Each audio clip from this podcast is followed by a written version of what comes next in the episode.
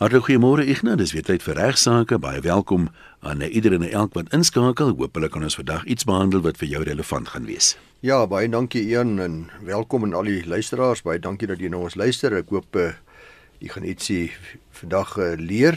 En miskien uit die eerste briefie uit is 'n luisteraar van Sekunda meneer Gertse.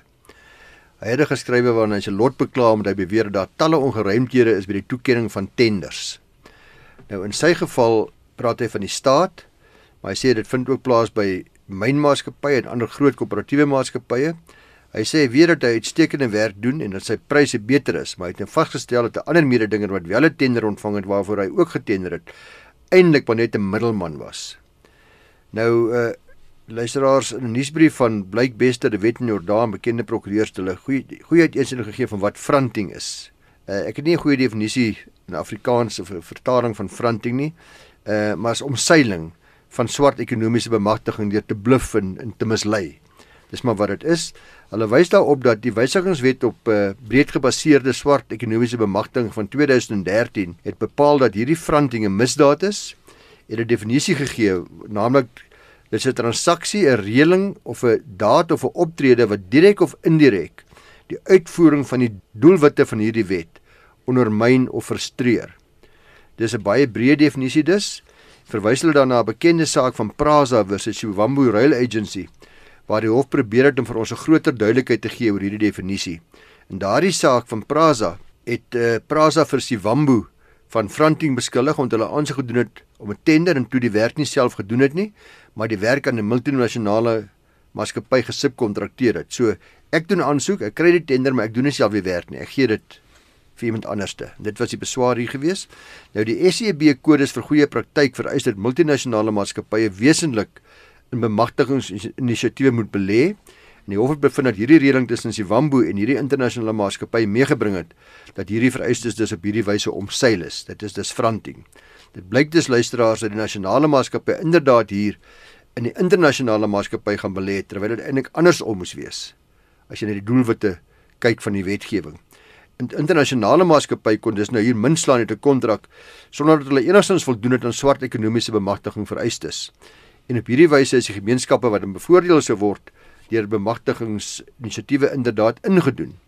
Uh en is die werklike doelwitte van die wysigingswet op breed gebaseerde swart ekonomiese bemagtiging omseil en ondermyn. Dis wat die hof bevind.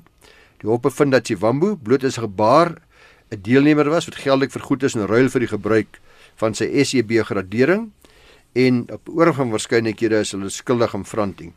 Die hof het ook opgemerk en dis belangrik dat dit nie nodig is vir wanvoorstelling of uitbuiting van 'n spesifieke individu voor 'n fronting plaasvind nie want uh, blyk beste die wet in Jordaan sê hulle brief af deur te sê dat as 'n mens na hierdie situasie kyk soos die een wat ons luisteraar dan vir ons oorskryf dan blyk dit in die lig van die beslissing kom dit voor dat daar wel gronde se wees om te beweer dat die maatskappy wat die tender gewen het en toe aan 'n subkontrakteur gegee het, skuldig gewees aan fronting. Veral as 'n subkontrakteur dalk 'n multinasjonale maatskappy is of nie werklik die doelstellings van uh, die SEB voorstaan voor swart, uh, swart ekonomiese bemagtiging jammer voorstaan nie. So hulle goeie advies is daaraan hierdie luisteraar en ook alle ander luisteraars om in so 'n geval maar die prokureur te gaan raadpleeg en natuurlik ook om die beweringe onder die aandag van die relevante owerhede te bring. Kan 'n mens sê dis dis per se uh onreëlmatig as iemand net as 'n middelman optree en nie self by die projek betrokke is nie uitsluitlik nee. gebruik maak van subkontrakteurs of nee, nie noodwendig dit sal nie. per se onreëlmatig wees nie veral nie as dit geopenbaar word nie. Maar as jy die indruk skep dat jy self die werk doen aan die woorde ek is uh, sê my ek kwalifiseer as 'n BEE1 maatskappy ek is baie ek het 'n klomp uh, swart mede-direkteure ensovoorts en nou kry ek as gevolg daarvan kry ek die werk en nou gee ek dit die werk, die helfte van die werk of die sekere dele van die werk vir iemand wat glad nie BE in is nie, nasionaal of multinasjonaal. Ek gee dit nou vir 'n wit firma hmm. of vir die wit bouer of wat ek nogal. Dan is dit duidelik dat die doel van die wet word nou hierso minag, hy word omseil want die hele gedagte is dat almal wat voordeel moet trek uit hierdie uh kontrak of hierdie tender wat toegeken is, hulle is deel van hierdie betrokke firma uh en die tender is toegeken as gevolg van hulle BEE koers, hulle rating in Engels uh waar hulle voldoen het aan die aan aan die aan die vereistes. Ek het self nog nooit so 'n tender gesien nie, maar 'n mens sou raai dat die kriteria waarvolgens dit toegeken word iewers uiteengesit sou word. O ja, nee, tenders is 'n uh, baie interessante dokumentasie is 'n uh, Met groot tenders is kan dit pak en pakke dokumente wees wat uh, presies vir jou sê uh, wat vereis word en en dikwels sal daar ook gesê word dat uh, hierdie is 'n swart ekonomiese bemagtigingstransaksie en as jy nie kwalifiseer onder hierdie koers uh, SEB koers nie, hmm. so hoef jy nie eers aansoek te doen nie, want dit sal net gegee word vir mense wat bo seker die staat doen byvoorbeeld net besigheid met mense wat aan sekere uh, vereistes voldoen wat SEB betref. En ook die al hoe meer en meer groot koöperatiewe maatskappye het uh, die lat van die hoogspring wat al hoe hoër begin stel vir vir die toekenning van werk aan aan aan ander maatskappye.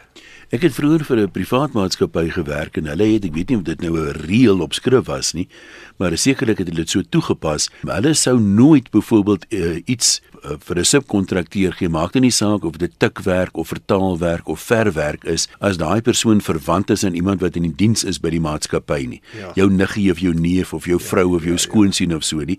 Hulle het net gesê dis moeilikheid soek, hulle wil weet hoe verdenking bly. Daar geld nie so iets vir tenders oor die nee. algemeen nie, want 'n mens hoor die korrupsie is gewoonlik iemand se skoonseun of dogter of wie ook al wat betrokke is by die maatskappy wat die tender gewen het terwyl pa kom ons sê regeringsamptenaar is wat 'n sê gehad het in die toekenning van die tender. Ja. Daar sal daar sal in die meeste tenderdokumente sal jy 'n vraag kry wat vra is jy verwant aan enige persoon wat werksaam is by so of so of so so die persoon met die wat die tender aanvra. Uh en natuurlik die vraag daarop is spesifiek gemik om te verseker dat daar nie onreëlmatighede plaasvind met 'n uh, 'n borsing van belange uh omdat ek gee die tender vir my dogter maar ek maak gaan eintlik die geld maak en ek sê oor die tender uiteindelik gaan goedkeur nie. So daar word daai tipe van vrae word gevra. In elk geval glo ek dat dit verwag kan word van iemand wat tender wat 'n moontlike botsing van belange voorsien of 'n moontlike persepsie van 'n botsing van belange voorsien om dit te openbaar want as dit later sou uitkom ons het lang uitgerekte hofsaake en daar is al talle gevalle gewees waar die klagtes heel later kom. Sê hoorie maar nou vind ons eers uit. Hierdie tender is toegeken aan die minister se neefie wat 'n 30% belang in daai maatskappy het. Nou sensitiewe besighede wat tender dink ek sal in die die wat hoe etiese standaarde handhaaf sal dit voor die tyd openbaar om te verseker dat daar nie later negatiewe afleidings uitgemaak kan word nie Dit kan verskriklik maklik gebeur en ek sê soms is 'n mens al verstom om te hoor, jy weet waar al die dinge gaan draai het. Ja. Wat dit by oog af, uh, maar dis weet by die slim ouens het dit via 'n maatskappy wat 'n vol filiaal is of 'n beheer word deur 'n ander maatskappy. Jy weet so dis nie op, op die oog af so duidelik sigbaar nie, maar dit gebeur ongelooflik baie. Nee, dit is ongelooflik hoe uh, hoe ondeursigtig die korporatiewe gordyn soms kan wees. Hoeveel planne gemaak word om seker te maak jy kom nie uit by weet eintlik die persoon is wat die werklike voordeel gaan geniet nie. Uh so dis uh, daar's mense wat baie vindingryk is en baie baie goeie plannetjies maak. Enige iemand wat al 'n swak belegging gemaak het. So wat wil gee natuurlik om daai geld wettig gedeelte daarvan terug te kry en hoeveel keer het jy nie al in retrospek gedink ag tog as ek maar net geweet het nie. Iemand het net vooraf gewaarsku het nie. As ek net nie so gierig was nie. Dis nou, maar die wortel van baie van die probleme, ja, daai gierigheid. Maar die goeie nuus is waar jy nou geld belê het op advies van 'n sogenaamde kenner, dan is daar 'n bietjie meer wat in jou gun stel as jy dan alles verloor. Want die kenner kry steeds sy kommissie. Hy het dit al lankal uitgelewe of lankal gevat die dag wat jy die geld vir hom gegee het om te belê.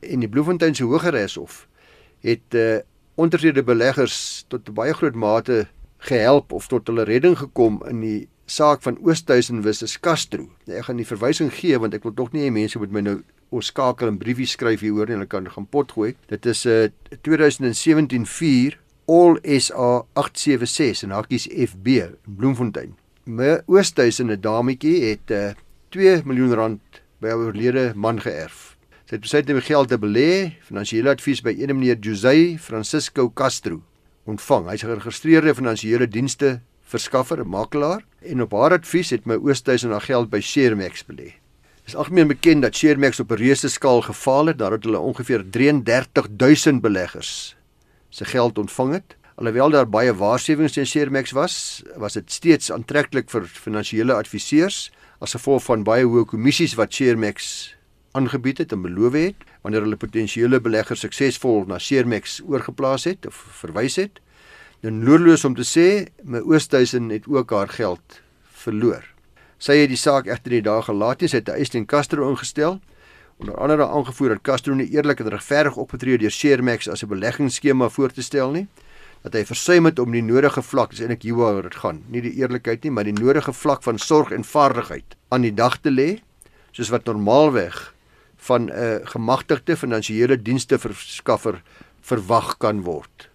Standaarde waaraan 'n normale dienste verskaffer behoort aan te voldoen wat betref sorg en vaardigheid wanneer jy geld namens 'n kliënt belê. Selfe geld vir enige ander professionele persoon, die normale prokureur, die normale dokter. Castro wie se professionele versekerings in plek was, het hom op sy versekeraar beroep uh, om hom skadeloos te stel en dit aanspreeklikheid ontken op grond daarvan dat Castro se gedrag gekwalifiseer het as gedrag soos gedefinieer in 'n uitsluitingsklausule van die kontrak. Daai klausule het bepaal dat Castro nie gevrywaar of gedek sal wees vir eise ingestel as gevolg van die vermindering van waarde van beleggings nie. So dit sal nie te gedek wees nie, soos in hierdie geval as die dame Oosthuizen se belegging daal, dan is Castro nie gedek daarteenoor nie. Of waar Castro 'n voorstelling gemaak het van 'n uh, opbrengs van die belegging wat nie gerealiseer het nie, dan sê hy ook nie gedek daarvoor nie. In die Hof van eerste instansie het die hof gekyk na die pligte van 'n finansiële dienste verskaffer en is algemene reël moet hulle met redelike sorg en vaardigheid optree soos ek reeds gesê het. Hierdie plig word nagekom as die verskaffer optree soos wat 'n redelike 'n finansiële makelaar in dieselfde omstandighede in sy posisie sou doen. Nou om vas te stel hoe so redelike verskaffer van dienste hierdie tipe dienste sou optree, het die hof talle waarskuwings oor oor Shermax op die stadium toe die belegging gemaak is wat al reeds gewaarsku het, het aggeneem en aangevoer dit sou genoeg gewees het vir enige redelike makelaar op daardie stadium van hierdie spesifieke belegging om reeds al die rooi ligte te laat aangaan en 'n redelike verskaffer sou in daardie opsig beslis nie vir sy kliënt aanbeveel het om iemand wat daar reeds 'n klompie waarskuwingstekens en waarskuwingsligte flikker 'n belegging te laat aangaan nie. In hierdie opsig het die hof 'n baie kritiese opmerking teenoor Castro gemaak en dit sê dat sy advies 'n aanduiding was van sy gebrek aan kennis wat nie geregverdig was ook in elk geval sy kennis en sy gebrek daaraan die wiste deur die buitensporige kommissie wat hy van Afsheermex ontvang het nie. So laastens het die hof die versekeraar se argument ontleed en tot die gevolgtrekking gekom dat die versekeraar te veel klem op die bewoording van die uitsluitingsklausule geplaas het wat daartoe gelei het dat die doel van die kontrak heeltemal verydel word en nie nagekom word nie. Die doel van hierdie kontrak was om die verskaffer te verseker teen verliese as gevolg van nalatige optrede.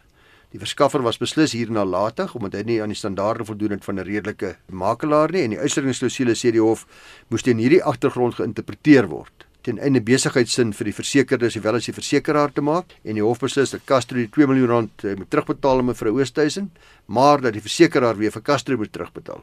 Eh, op grond van die versekeringskontrak wat hy wel in plek gehad het. So die uitspraak dink ek luisteraars bied geweldige verligting vir ontevrede of onsekere beleggers.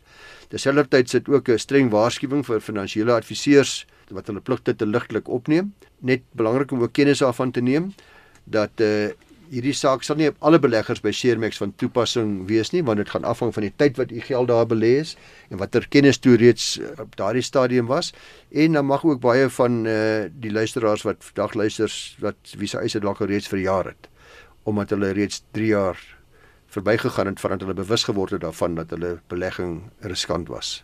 As jy nou net ingeskakel het, dan is jy net betyds vir die tweede deel van vandag se regsaake. Ek het 'n skrywe ontvang van Johan Kloete. Hy sê ek skryf namens 'n vriend. Die vriend se oorlede vader het 'n woonreg aan iemand gegee vir 15 jaar. Na sy dood, hy het dit so in sy testament genoem. Hier's my vraag. Moet daar volgens wet 'n tekening wees van die gedeelte wat gebruik kan word vir woonreg? Tweedens, indien daar nie 'n tekening is nie, is die woonreg dan nog geldig? Derdens, is woonreg dan net geldig op die woning en as dit en as dit is, op watter deel van die woning? Dan uh dink ek die probleem kom eintlik by die laaste sinnetjie. Die eienaar het saam met die persoon wat nou woonreg het gewoon tot sy dood in 'n gedeelte van die huis. Nou is die woonreg nog van toepassing op die hele huis dan of nie? En die laaste vraag, moet 'n getal, byvoorbeeld 10, ook in woorde uitgeskryf word in 'n testament? As dit nie uitgeskryf is nie, is die testament dan nog steeds geldig. Nou ek het uh, vir Janus Olivier, ek het inderdaad prokureur daar by ons kantoor gevra om die antwoord vir my te gee. En hy het so 'n bietjie mooi gaan kyk na die persoonlike en saaklike regte en hoe die ontstaan daarvan en, en wanneer 'n persoon oor eiendomsreg of dominium dominium in Latyn van 'n saak beskik, kan hy as uitgangspunt daarmee doen net wat hy wil. Met my e-, eiendom kan ek doen net wat ek wil. Hierdie reg kan egter beperk word wanneer 'n ander persoon 'n beperkte saaklike reg oor daardie eiendom verkry. Daardie soos byvoorbeeld die reg om oor iemand se grond te ry. Dis 'n beperkte saaklike reg, 'n servituut. Uh vir doelenis van sakereg word daar onderskei tussen persoonlike regte en saaklike regte. 'n Persoonlike reg bind die persone en nie die eiendom nie. So die eiendom is nie daaraan gebonde, net die persone is daaraan gebonde. Voorbeeld hiervan is wanneer jy met jou buurman ooreenkom dat jy byvoorbeeld in sy swembad mag swem. Dit beteken dis net ek mag in die swembad swem. Ja, en as jy dan ja. doodgaan dan verval dit. Verval dit. Die ooreenkoms geld net tussen jou en die buurman. En wanneer jy sy huis verkoop uh, byvoorbeeld, dan kry kan jy nie outomaties meer daar bly nie. Jy kan dit net doen omdat dit jy en hom eie was. Hy is nie meer eienaar van die huis nie. 'n Saaklike reg verbind die grond. Dis daarom afdwingbaar teen die eienaar van die grond as ook sy opvolgers in titel, byvoorbeeld die wat daarna hom die grond uh, koop of besit. Uh, hierdie saaklike regte word onderverdeel in saaklike servitute en persoonlike servitute.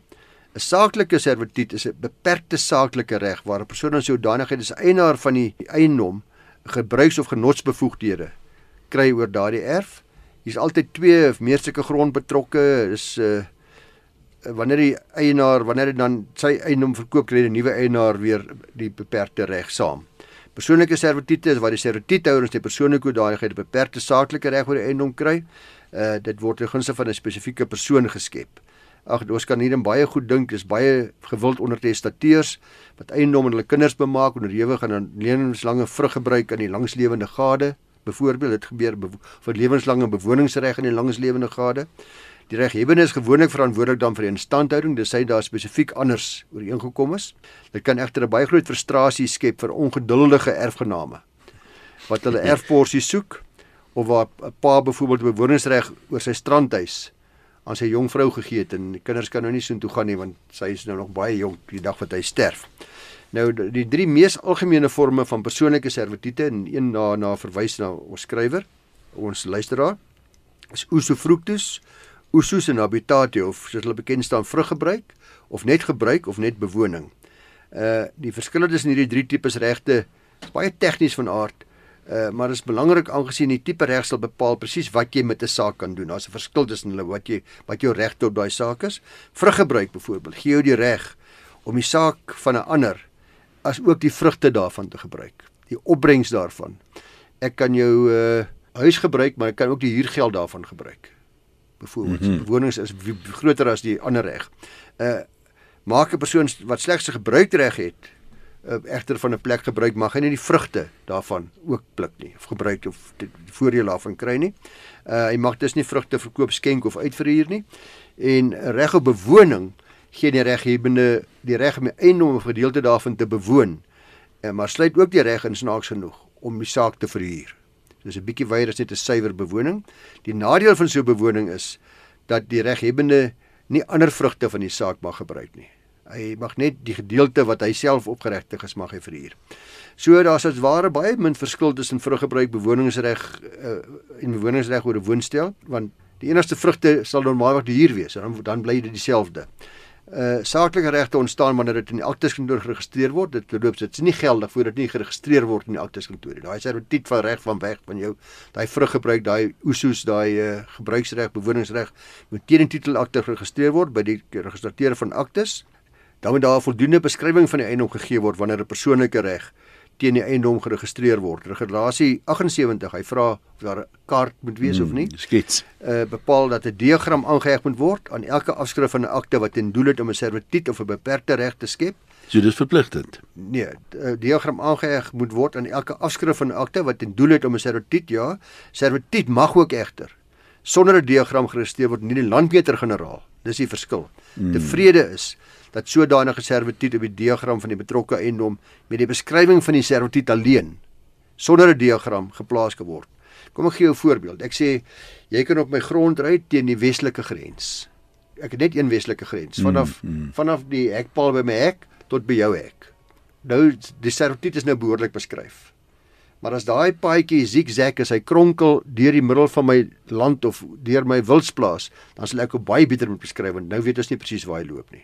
Nou sal ons 'n plan moet aantoon, 'n diagram moet aantoon presies waar hy is. So net in gevalle waar jou beskrywing nie goed genoeg is om die om die reg of die plek te identifiseer nie. In hierdie geval van ons luisteraar waar hy van 'n woning praat, sê ek sê pa se huis, goed genoeg. Almal weet wie wat is pa se huis. Pa se huis waar 'n pa gebly het of die huis op Lemoenfontein. Die woonhuis jy, op jy kan dan byvoorbeeld ook kom ons sê dis uh, daar's 'n 'n woonstel agter in die tuin. Jy kan dit byvoorbeeld uitsluit en sê net die hoofwoning, nie die granny flat nie. Korrek, korrek ja. Uh maar as jy byvoorbeeld gesê het al die al die geboue Ja. as hulle die stoorgelde, die stoorkamers alles insluit, maar as jy sê die die die die woonhuis dan dan en jy wil 'n deel van die woonhuis uitsluit en dis ook die vraag van ons luisteraar, dan moet jy spesifiek sê net die net die sitkamer en die woonkamer en een slaapkamer. In hierdie geval waar dit net woonhuis is, al het die pa op daardie stadium nog 'n deel van die woonhuis bewoon, sê dit ook in die deel wat deur die oorledene bewoon was, die volle volledige woonhuis. Uh so die groot vraag is is dit maklik identifiseerbaar deur enige persoon wat hierdie by interpretasie van die van die testament. Gevolglik uh, dink ek sal dit altyd bewys wees uh om kundiges te raadpleeg uh voordat jy uh jou testament of jou servituut behoorlik bewoord. Hulle sal die prokureur sal in elk geval seker maak dat dit of behoorlik beskryf word in 'n diagram, geteken word of dat dit behoorlik beskryf word. Daar was so 'n kort vraagie gewees oor syfers as jy nou byvoorbeeld sê O ja, hy vra laas 10 moet dit in woorde ja, ook glad nie nodig nie. Weereens, is 'n kwessie van interpretasie. As ek en jy 'n kontrak lees en daar staan ek koop jou 10 beeste, dan weet ons is 10 beeste of nou ons het baie keer veiligheidshalfte. Ons sê uit oormatige versigtigheid, ex abutandi cautela, sal ons die 10 sit met 'n hakkies daarna. Veral met groot bedrae as hulle mense bedrae. doen. En dis net om moontlike bedrog te vermy, maar glad nie vereiste nie. Ja, dis dan kan jy net 'n nulletjie aansit byvoorbeeld by die by die syfers nie. Korrek, ja. Ignas, as jy 'n korterige een het, kan ons hom nog inpas? Ek het al 'n jare wat gelede vir julle vertel op hierdie program luisteraars van die nuwe wet op infrastruktuur. Nie dat hooplik daartoe sal bydra om koperdiewe behoorlik vas te vat Ek onthou ja. in ons land. Ja. Ek het dus baie lekker gekry toe ek hoor daar onlangs in die rondgaan nou van Harry Smit. Iemand het my geskakel en gesê 875 jaar tronkstraf opgelê is. Ek het daarna ook was dit Nog 'n rukkie. aan ses koperdiewe wat kopergeleiers iewers naby Harry Smit in Kestel gesteel het. Soos dikwels het hierdie tipe van diefstal ge, die gevolg gehad dat die koper self nie naby soveel werd was as die gevolgskade wat daardeur deur die diefstal veroorsaak was nie. In hierdie geval berig die media dat daar 12,5 miljoen rand aan Eskom se infrastruktuur skade aangerig was terwyl die koper self minder as 'n miljoen rand werd was. Interessant was dat die spesialis getuie in hierdie saak het aangedui dat syndikaate werklik besig is om ons ekonomie, die breë ekonomie in Suid-Afrika te ruïneer, dat hulle al hoe meer gewelddadig ook raak. Dikwels is dit uh, almal buitelanders beweer hy in die hof en is daar nie baie Suid-Afrikaners by die diefstal van koperkabels betrokke uh wat hierdie spesialis betref nie. Uh in hierdie geval is die persoon wat die minste gevangenisstraf gekry het, was 75 jaar tronkstraf, uh waarvan hy 16 jaar uh, minstens moet uitdien. Al die mans is ook aan rampokkery skuldig bevind. En uh, kom ons hoop maar luisteraars en Ian dat hierdie vonnis behoorlike afskrikwaardes lê. Dis ook hoekom ek dit nou op die by op hierdie program noem want afskrikwaarde werk net as daar goeie publisiteit daar Dis baie gegee word. né? Uh en dat ons afname in hierdie tipe misdaad sal sien in die jare wat voorlê. Nou kom ons sluit af deur net weer uh, vir jou te sê hoe jy te werk kan gaan as jy wil hê Ignas moet jou vraag beantwoord hier op regsaake. Jy kan dit per e-pos direk vir hom stuur by igna@ffd.co.za. Hou net in gedagte baie mense wil hê dat Ignas namens hulle moet optree en betrokke raak by hulle regsgedinge. Dit kan ons ongelukkig nie doen nie. Ons gebruik jou vraag uh om so 'n bietjie weier soos jy seker al gehoor het te gesels oor meeste van die onderwerpe. As jy wonder wanneer 'n spesifieke vraag uitgesaai is of behandel is, die maklikste manier om dit vas te stel is om na die webwerf toe te gaan rsg.co.za, klik daar heel bo in die bladsy so aan die linkerkant op potgoeie en uh, dan gebruik jy regsaake as sleutelwoord, dan sal al die programme daar wees met die jongste een bo so af onder toe met 'n kort beskrywing van wat behandel is in die program en jy kan weer daarna luister of jy kan dit aflaai en uh, weer gebruik daarna as jy wil. Dis dit van uh, ons. Ek en Wessel sê vir jou alles wat goed is en mooi is en ons hoop ons uh, gaan volgende maandag weer met jou gesels.